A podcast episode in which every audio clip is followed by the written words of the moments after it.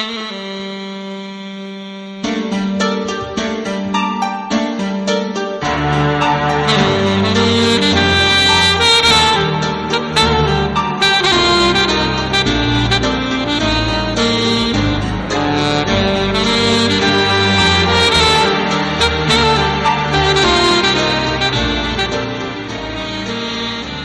com ja és habitual, després de sis programes, cada setmana en Joan Plana ens porta el moment més fosc del Toquem Fusta. Bona tarda, Joan.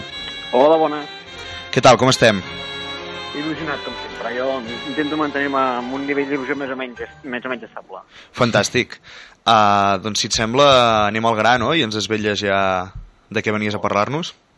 A veure, si comencem per sempre com una data, si et dic només una data sense dir, o sigui, un dia del calendari sense dir l'any, a veure què, què, què, què t'aboca tu, eh? Va, vinga, a veure. Si et dic 14 d'abril, què et ve al cap? Home, la república, no? La república, però això és perquè ets un supremacista nacionalista excloent, diguéssim. Això sí que és veritat. Perquè tothom sap que el món és molt més ampli que Catalunya i, per tant, hi ha hagut molts 14 d'abril arreu del món. Sí. I no tots tan ben aurats, no? Ex- Bueno, si et digués 14 d'abril de 1865, què em diries? Ni idea. Que és una altra punta del món? És una altra punta del món. sí. Acota una mica, això de món. Mm, un país de parla anglesa. Ens ho posa fàcil, eh? No sé, ni idea, Joan, ni idea. Un país 1865. que acabava, acabava de sortir just aquell any d'una guerra civil. El, el, els Estats Units. Als Estats Units, molt bé. I qui va morir als Estats Units? El, bueno, tècnicament va morir el dia 15, però en tot cas, contra qui va atemptar el dia 14 d'abril de 1865? Com no sigui l'oncle Abraham, no? Sí. Exacte, és l'oncle Abraham. Fantàstic. Abraham. O sigui que Abraham. entenc que avui ens vens a parlar de la mort de Lincoln. Ah, exactament. Fantàstic. A veure, Lincoln és un personatge que té certs paral·lelismes, i ara faré un estudisme excloent així sectari, eh? Per, perquè la frase és una gran delinqüent. Però Lincoln té certs paral·lelismes amb lluís companys. vale? Puta, tio, ja, Que és el que vam parlar la setmana passada. Que és el que vam parlar la setmana tio, passada. està sempre amb el monotema, eh? No, no, no ens Sí, ha parlat sí, d'una sí. altra cosa. Surt de Matrix, ja. Uh, bueno, escolta'm, eh, hem de parlar dels problemes reals de la gent. Uh, tothom sap que Lincoln és un problema real de la gent. Jo vaig als bars i la gent pregunta per Lincoln. Doncs jo... És veritat. Aquí parlo de Lincoln. Doncs va, parlem de Lincoln. A veure, els paral·lelismes que tenen amb, amb companys, en primer lloc, és que tots dos els van matar, d'acord? Això ho comparteixen amb molta altra gent, no? Sí. Això ho comparteixen amb molta altra gent.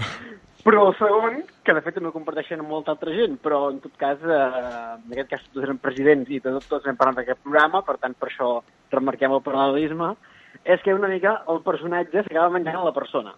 Oi? Val? És a dir, quan tots pensem en Lincoln, segur que el que ens ve al cap és, en primer lloc, un gran heroi demòcrata i, en segon lloc, l'alliberador dels esclaus. Sí, sí, sí, és, és la imatge, sí, sí. Sí, són una mica els dos grans. En fi, el, si haguéssim de resumir una mica i haguéssim de fer una mica una mitjana de quina és uh, la caricatura que la gent fa de Lincoln, seria aquesta. Exacte. El cert, el cert és que Lincoln no era ben bé això. De la mateixa manera que Companys no era un líder romàntic i, mm, en fi, eh, patriota fins a tots els moments de la seva vida, sinó que és una persona que tenia arestes en la seva biografia, Lincoln és exactament el mateix. El que passa que Lincoln eh, té la peculiaritat que ell va dirigir una guerra, una guerra civil, en el seu país. Bueno, companys que- també, no? Sí, la, la principal diferència és que Lincoln la va guanyar i, per tant, eh, la, la historiografia que s'ha fet ha estat, sobretot, eh, fonamentada des del punt de vista dels guanyadors. De fet, una, una, un matís, eh, que ara veurem, el sol fet de que parlem de guerra civil ja és una victòria de la historiografia de, de, tot el nord dels Estats Units, Exacte, dir, sí, de, sí. de l'exèrcit de Lincoln, No és una, de Lincoln. no és una guerra d'independència, no? O una Ah, guerra de... Exacte, de fet, és a dir, la figura de Lincoln es relaciona sobretot amb un, amb un fet eh, bàsic de la política d'arreu del món, però en aquest cas l'americana, del segle XIX, que és la revolució de l'esclavitud. Tu, si preguntem a la majoria de gent, diran que Lincoln va dirigir una guerra civil en contra dels estats del sud que estaven en contra d'abolir l'esclavitud. Però el cert és que, de fet, era molt més que això. És a dir, eh, l'esclavitud era segurament la part més vistosa, la que ha passat més a la història, i també era, evidentment, el principal aparell de, de propaganda de, dels, dels publicistes polítics de l'època, però en tot cas eh, el que va viure als Estats Units en mitjans segle XIX va ser un autèntic xoc entre dos models de país totalment diferents. Eh? Per esquematitzar una mica, teníem uns estats del nord més rics, Sí? molt industrialitzats, que havien apostat ja clarament per una modernització de la seva economia, Val? que compraven un sistema democràtic més uh, homologable a l'europeu, podríem dir-ne, i sobretot que propugnaven, sobretot perquè la capital, Washington, està al nord, propugnaven que els Estats Units, que havien nascut com a estats units per un poder mínim que era el, el, el, govern, de, el govern del país, el govern federal, Exacte. eh, el que demanava el nord era sobretot enfortir moltíssim aquest poder eh, federal i, per tant, reduir la capacitat dels estats de poder gestionar lliurement part de la seva economia i de la seva política. Val. I entenc que llavors els estats del sud representaven el contrari? Que els estats del sud representaven el contrari. Representaven estats que estaven molt més abocats, per exemple, al sector primari, tenien grans, Mhm. són aquelles grans plantacions que hem vist a les pel·lícules, de cotó, per exemple, grans plantacions de productes tec, que, que després fan servir a la indústria tèxtil, d'acord? Productes que, per exemple, és evident que el nord necessitava per poder fer funcionar la seva economia, però que, per exemple, als estats del sud els sortia molt més a compte prendre'ls a Europa que no pas al nord. Per tant, mentre mantinguessin la capacitat de poder decidir lliurement la seva política comercial, eh, això perjudicava la indústria del nord. Per tant, per això el nord deia, escolta, hem de tenir, reforçar prou el govern federal com per obligar els estats del sud eh, a tenir una política comercial que faci, que introdueixi uns aranjats, per exemple, que faci que no els hi surti a compte vendre a Europa, sinó que ens hagin de vendre a nosaltres. Uh -huh. I en canvi els estats del sud diuen que no, no? Que ells Ah. volen seguir tenint autonomia des dels estats i que si no Exacte. se'ls hi garanteix se n'aniran del país. Exacte, hi ha, hi ha- dos vessants aquí. Hi ha una vessant més identitària, més, més nacionalista, que podríem dir en termes contemporanis, Mhm. i també hi ha una vessant econòmica, escolta'm, és a dir, jo no vull que em mani ningú des d'una ciutat llunyana a la qual segurament no he estat mai, ni hauré estat mai, eh, i segurament ni tan sols conec del tot amb exactitud les institucions que, que regeixen. Jo el que vull és que em governin des del meu propi estat, i en segon lloc, el que vull és una política que em beneficiï a mi, no que beneficiï als estats del nord. Mhm. Ni tan, ni tan sols, de fet, que beneficiï el que mm, numèricament és eh, més beneficiós per més gent, perquè els estats del nord estan més poblats. Per tant, si ho decidim tots votant entre tots, sempre perdré. Llavors, jo vull que les meves decisions es prenguin aquí, a casa meva, amb el meu sistema econòmic. Això, dins de tota aquesta discussió, hi entrava l'esclavitud. Hi entrava l'esclavitud perquè els estats del nord enten, van entendre, com molts altres països, que un sistema de, de mercat lliure era més productiu econòmicament que un sistema esclavista. Era més productiu per una cosa molt simple. Un treballador treballa X hores al dia, les que siguin, tu li pagues aquelles hores i ell es busca la vida per menjar, per dormir Mhm. i per, en fi, doncs, per cuidar la seva família. Un esclau no, un esclau és una propietat. Treballa les hores que treballa, però després ets tu, que a més a més has d'alimentar, li has de donar un sostre, etc. Però és més, el treballador, quan acaba de treballar, se'n va a casa seva i el que fa és consumir. Per tant, compra el producte que ell mateix ha fabricat i, per tant, reactiva tot el mercat. L'esclau no, l'esclau no consumeix. Per tant, eh, d'alguna manera, les ciutats més industrialitzades entenien que els sortien molt més a compte un sistema, eh, diguem-ne, que podríem dir de mercat laboral eh, més o menys semblant al que tenim avui en dia, evidentment molt menys regulat, mentre que els estats del sud, que tenien un altre sistema, i el sistema de grans plantacions, aquelles plantacions que arriben fins on arriba la vista, doncs eh, tenien molt més arrelat i, per tant, fins i tot, en certa manera, es podia considerar que era més eficient eh, l'esclavitud, perquè d'aquesta manera cultivaven tots aquells camps i, a més a més, ells, al final, el, el producte que generaven no era producte de, del petit consumidor, sinó que era producte que venien a les grans indústries. Per tant, els, els esclaus tampoc haguessin pogut comprar aquest producte. No vas a una botiga a comprar quilos de cotó. Per tant, diguéssim, models polítics, socials i econòmics Mhm. totalment diferents que porten a un conflicte, no? Exacte. I en tot I- això, i- quin rol hi juga Lincoln? Bé, a, a tot això, un, un matís abans de res. És molt important perquè al final, com dic, eh, com que va guanyar el nord, la historiografia una mica oficial que dona és un sud racista i un nord evolucionista. Això no és ben bé així, és a dir, la població del nord ens equivocaríem molt si creguéssim que, era- que no era racista. Mhm. El racisme als Estats Units estava sí. enormement arrelat a tot el país.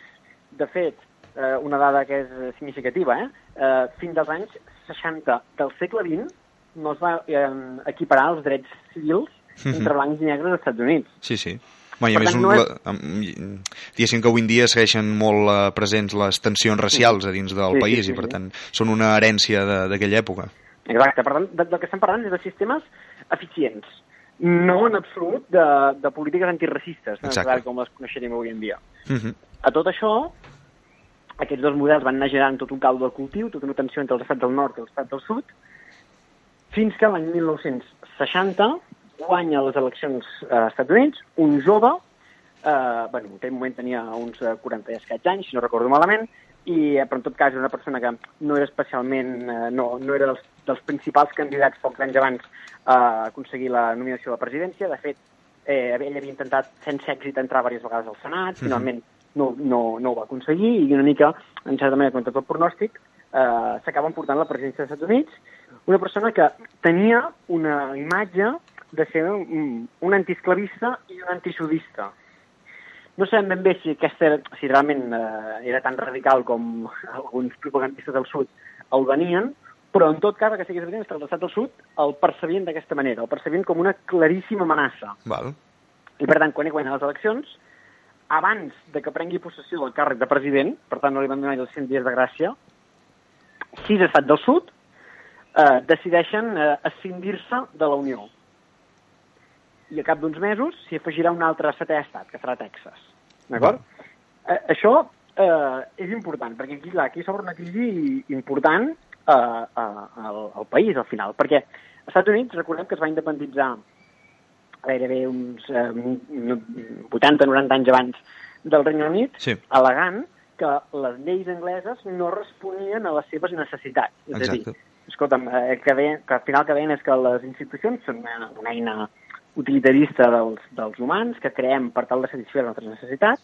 En el moment en què aquest estat, aquesta institució, no ens satisfà, és dret nostre crear-ne un de nou que sí que ens satisfaci. Val. D'alguna manera, els estats del sud, el raonament que fan és exactament el mateix. Però, evidentment, els estats del nord eh, discrepen d'aquesta màxima i, per tant, doncs, Lincoln, eh, tan bon punt assumeix la presidència, el primer repte que té és intentar dissuadir militarment els estats del sud de, de, de, que, en fi, doncs, de que declarin la, la seva independència Se li gira feina només començar, sí. només començar. Això farà, per exemple, que, que la nominació d'aquesta guerra sigui diferent al nord que al sud, perquè el nord és la guerra civil americana, Val? el sud és la guerra d'independència. Clar. Per tant, el fet que tots acabem eh, recordant aquell conflicte com la guerra civil demostra que va guanyar el nord. I que, per tant, ells ho plantejaven com un conflicte intern. És a dir, hi ha una sèrie d'estats, en concret set estats, que han trencat l'ordre constitucional, eh, a dir, un terme ja està molt Sí, de sí. moda, i, i han eh, desobeït la- l'autoritat de Washington. Mentre que pel sud, no, pel sud no, no és una, un trencament de les lleis americanes, sinó que és la creació d'una- d'un nou estat, una confederació. Exacte. Que per això es deien els confederats, els del sud, Ah, exacte. perquè lluitaven contra els federats, que eren Mhm. els del nord i que volien doncs, més federació, no? En Mhm. contra dels del sud, que volien més independència dels seus territoris. Exacte. En aquesta guerra eh, hem d'entendre també per una mica també per entendre l'actual societat americana perquè d'alguna manera crea un, un pòsit que encara avui en dia es pot arribar a, a notar, sobretot en certes pel·lícules, segur que ara quan molta gent quan vegi pel·lícules ambientades en estats del sud, segur que ho veurà, és a dir, la, les societats del sud són societats molt, molt eh, un punt tancada fins i tot, en podríem dir, eh? Sí, és dir, un punt sí, sí. endogàmiques, un punt eh, molt, molt autorreferencials. Això va fer que, que visquessin aquella guerra com una autèntica guerra de supervivència. I, per exemple, la, el nivell de mobilització militar, el nivell d'implicació en l'esforç de guerra, va ser espectacularment més gran al sud que no pas al nord. Tot i això sembla ser que per un tema de recursos eh, estava pràcticament garantida la victòria del nord, no? Sí, bé, el nord estava més industrialitzat, per tant tenia millors tecnologies, tenia millors suports internacionals, el nord tenia més població demogràfica sobre la qual aixecar exèrcits, eh, crec que ara parlo de memòria, eh, però em sembla recordar que el nord tenia 20 i escaig milions d'habitants contra un sud que en tenia 9. Clar. Per tant, ja només per això eh, era molt difícil que el sud se'n sortís. Recordem, per exemple, el sud només va aconseguir que les potències europees com França o Anglaterra els reconeguessin com a part beligerant, però mai com a estat sobirà. Eh, per tant, és a dir, la, la capacitat que tenien de poder eh, sumar suports i de poder recollir eh, aportacions d'altres països que moltes vegades han decidit una guerra, doncs això només ho tenia el nord. Per tant, que el sud guanyés era molt difícil, però en tot cas ells van viure, eh, el sud, dic, eh, van viure aquesta guerra amb una passió eh, molt aferrissada i realment eh, van defensar amb ungles i dents un estil de vida, eh, un estil de... bueno, un estil polític, econòmic i social, tot barrejat, eh, que era molt i molt, molt seu i que ells percebien aquella guerra com, en fi, doncs, com una manera de defensar aquesta manera d'entendre el món. Uh -huh. I en tot això, doncs, Lincoln com a president, en aquest uh -huh. cas, mm, durant la guerra exclusivament d'una meitat del país, no? Va liderar sí, sí. La, les tropes de, del nord, les tropes de la Unió. Sí, exacte. I es va liderar amb una política molt clara, que era que en cap cas, sota cap concepte, es podien reconèixer els Estats del Sud Val. com un, uh, com un país segon, diguéssim, com un país tercer, vaja, com una part eh, contrincant en un conflicte bèl·lic. El que hi ha són uns estats que s'han sublevat contra les lleis de la Unió i, per tant, en tot moment han de ser considerats d'aquesta manera. D'acord? Això va fer que, per exemple, aquesta política, eh, Lincoln era partidari de que immediatament després de que acabessin les, eh, les accions armades, eh, readmetre tots els estats del sud doncs, a tots els òrgans de la Unió, el Congrés, el Senat, a les trobades de governadors, etc. Eh? Per tant, ell era partidari en, to, en tot moment de que, de que els, la consideració era els estats sempre han estat a la Unió, que hi ha hagut són dirigents o membres de la seva població que s'han revoltat contra la Unió. Clar. Jo tinc una pregunta que abans, Digues. abans deies que al, al sud, doncs, eh, amb menys població va aixecar més exèrcit, que estaven, diguéssim, d'alguna manera més implicats. Mm. També eh, hi havia revolucions internes dels esclaus al sud que, que dificultés eh, doncs, també presentar-se a la guerra amb més força? Bueno, sobre això hi ha, eh, hi ha diverses teories. És a dir, els, eh, els estats del sud van, de, van defensar que la presència de nombrosíssims esclaus en els seus estats el que feia era posar en perill la rereguarda. D'acord? Mm. Llavors, a més a més, ells en fi, doncs hi ha, sí que hi ha casos concrets d'esclaus que es van revoltar per intentar ajudar doncs, les tropes del nord per intentar fer accions de boicot, etc. Clar, estem, un, un, un, només un apunt per, per posar en situació. Clar, estem parlant d'un sud que de 9 milions 100.000 habitants que hi ha, 3 milions 500 uh, són uh, esclaus. Per tant, doncs, sí, sí. és una claríssima amenaça, no?, dins de les teves pròpies sí, sí, fronteres. Sí, sí. sí. El que passa que l'abast d'aquests boicots, d'aquestes accions de revolta interna, està una mica qüestionats, perquè també es creu que, en certa manera, això també es fa servir com a, com a eh, excusa propagandística per eh, legitimar linxaments massius d'esclaus, que també n'hi haver molts. Eh? Sobretot quan les tropes del nord van començar a acostar-se, per tant la, la línia del front va començar a baixar cap al sud, eh, moltíssims propietaris d'esclaus, amb l'excusa de que tenia por que els seus esclaus es revoltessin contra ells, a mesura que s'acostaven als yanquis, així com es coneixien els soldats del nord, doncs van linxar eh, moltíssims esclaus negres. Clar. Per tant, aquestes accions de boicot eh, tampoc queda del tot clar si realment i van ser segur, això sí que està fora de dubte, però el seu abast eh, està una mica en qüestió perquè hi ha molta gent que diu que això podria ser doncs, senzillament un element que es va magnificar molt per tal de justificar aquests atacs contra la població esclava. Uh -huh. Um, la prova que et deia abans de que la població del nord també era una població um, que, que tenia inculcadíssims els valors racistes és que sí, sí. Uh, l'evolució de l'esclavitud formalment no va arribar eh, fins a principi... No, no recordo si va ser finals de 1964 o ja principis de 1965, però en tot cas, quan la guerra ja estava molt i molt avançada. I el nord, ser... el nord criticava també de que, que Lincoln fos tan antiracista o que se li posés aquesta etiqueta tan antiracista, o potser no ho era tan Lincoln, no sé. No, bé, eh, la, eh, als grans polítics sempre hi ha la, el dubte de si realment la seva ideologia més personal era autèntica o en tot cas s'adaptava una mica a les circumstàncies. Lincoln el que sí que és cert és que ell va agafar clarament la bandera de l'evolucionisme, per tant de l'antiesclavitud.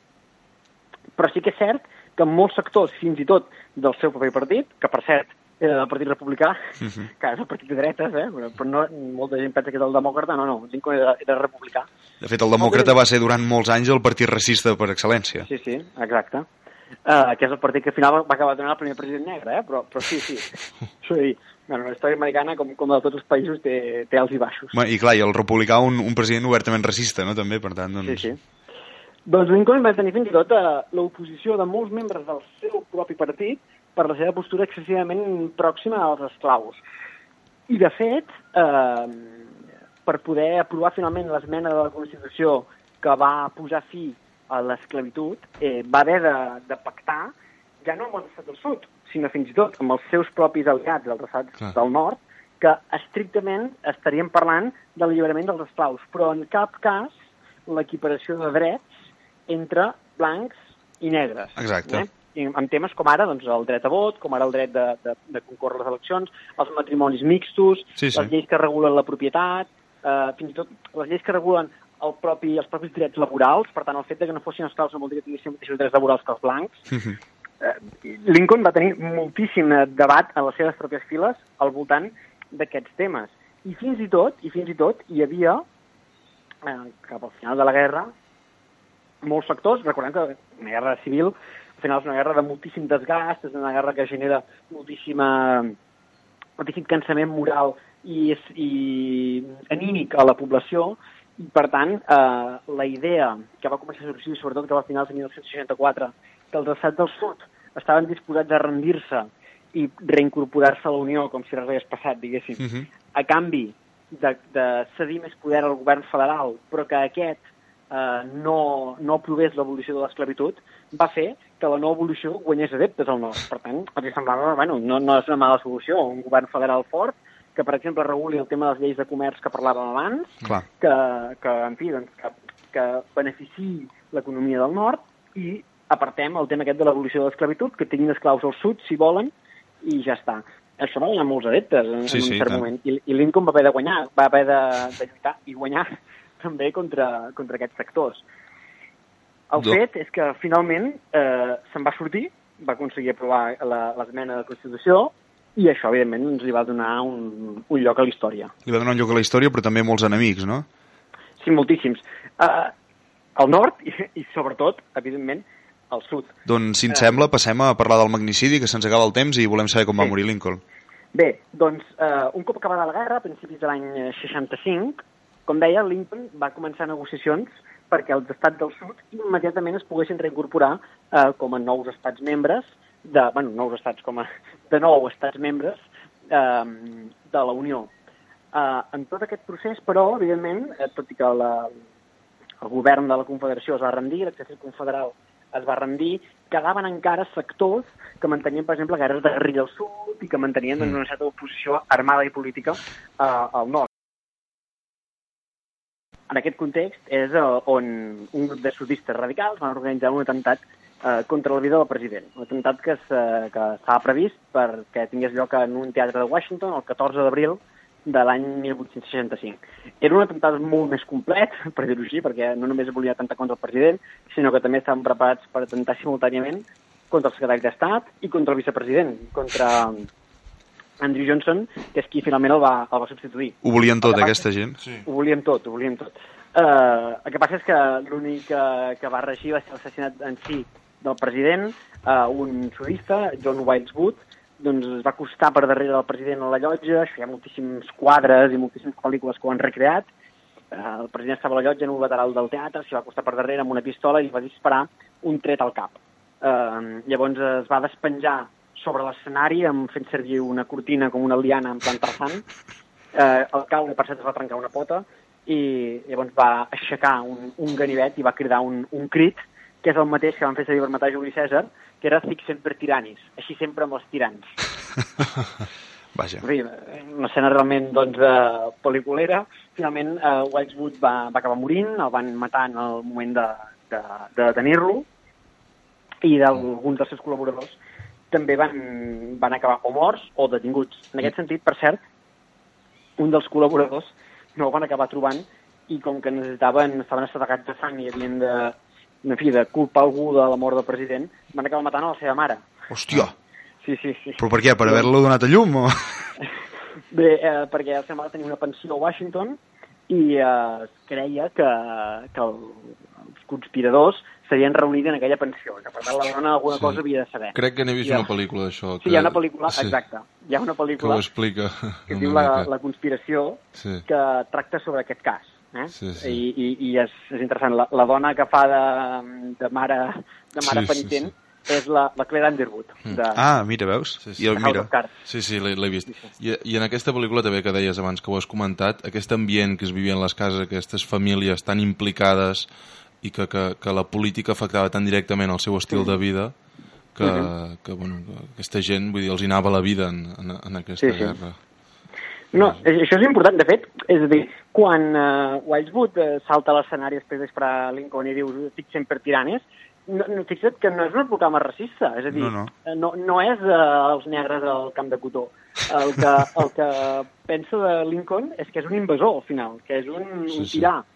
I això és important, perquè eh, per entendre que ells entenien uh, la, la guerra no només des d'una perspectiva racista, que evidentment al sud eren estats eh, sociològicament i políticament i institucionalment racistes, això està fora de dubte, però ho entenien com una defensa ferrissada d'un model de vida determinat, un model de vida, a més a més, molt, molt, molt, molt tancat, eh, molt, molt, eh, molt egòlatra, podríem dir-ne, és a dir, molt autorreferencial, eh, que per ells realment, eh, en certa manera, el seu objectiu era mantenir aquest estil de vida durant tota la seva vida i anar passant de generació en generació i que fos eh, una mena de, de, de, en fi, d'estil de vida propi i identificatiu d'aquells estats. Mm. Una mica encara es manté això, una mica encara es manté. De fet, moltes pel·lícules fins i tot ho ridiculitzen una mica, eh?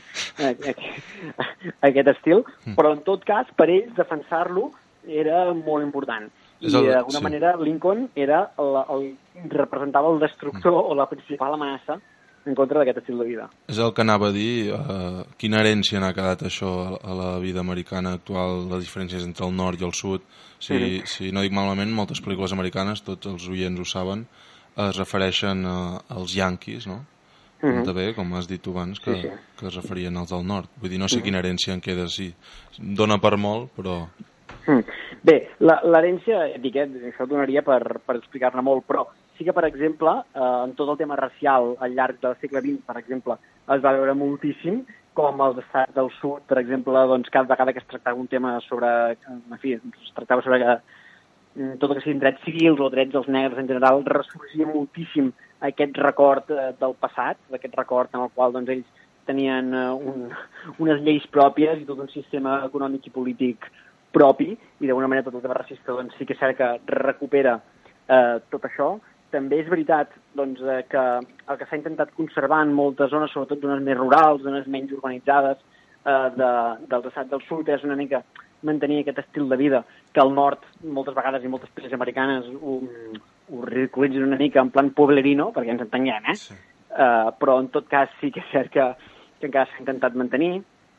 I llavors, per altra banda, també és cert que tot aquest nacionalisme sudanc ha donat lloc a l'aparició, ja contemporàniament, de moviments d'extrema dreta que ja no són independentistes, com a mínim no, no majoritàriament, hi ha grupuscles petits que són marginals de la política del sud que són independentistes, però la majoria ja no són independentistes, sinó que el que intenten és, escolta'm, doncs, ja que formem part de la Unió, ja que tenim un govern federal amb molts més poders dels que voldríem, intentem eh, eh, induir aquest poder federal a reformar-se en la línia que nosaltres defensem Mm. D'acord? Yeah. És a dir, aquest ultraconservadorisme nord-americà, en molts casos i en molts tipus, ha nascut en estats del sud com a fruit d'aquest antic nacionalista sudista. Mm-hmm. En certa manera, gran part d'aquest moviment és un dels que ha apoyat a Donald Trump.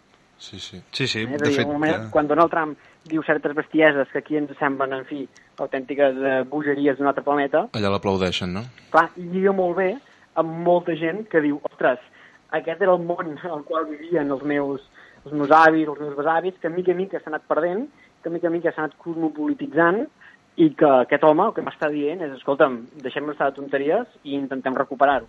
Només cal recordar durant la campanya electoral el Ku Klux Klan donant suport a Donald Trump, no? Sí, sí. Bé, el, el Ku Klux Klan és una, una de les conseqüències directes, perquè justament va néixer a finals del segle XIX, de, de l'abolició de l'esclavitud és una mica allò que dèiem abans, oi? Com que ara alliberem els esclaus, ens fa por que revoltin contra nosaltres, per tant, creem milícies armades blanques, evidentment, eh, ultraracistes, eh, per intentar defensar-nos. D'aquests esclaus alliberats que ara es poden alçar contra nosaltres. Exacte. Déu, Déu potser no us vol esclaus, però tampoc us vol igual que nosaltres, no? Exacte, aquest seria un bon resum. Doncs Joan, moltes gràcies per un nou programa, avui parlant de la mort d'Abraham Lincoln. I com sempre, gràcies per portar-nos temes tan agradables i... Sí, tan simpàtics. Avui sí, tot sí. molt americà, eh? Inclús la sí, mort sí, final. Sí. Tot és molt de pel·lícula. molt bé. Vinga, Joan, adeu-siau, cuida't. Molt bé, que vagi bé. Adéu.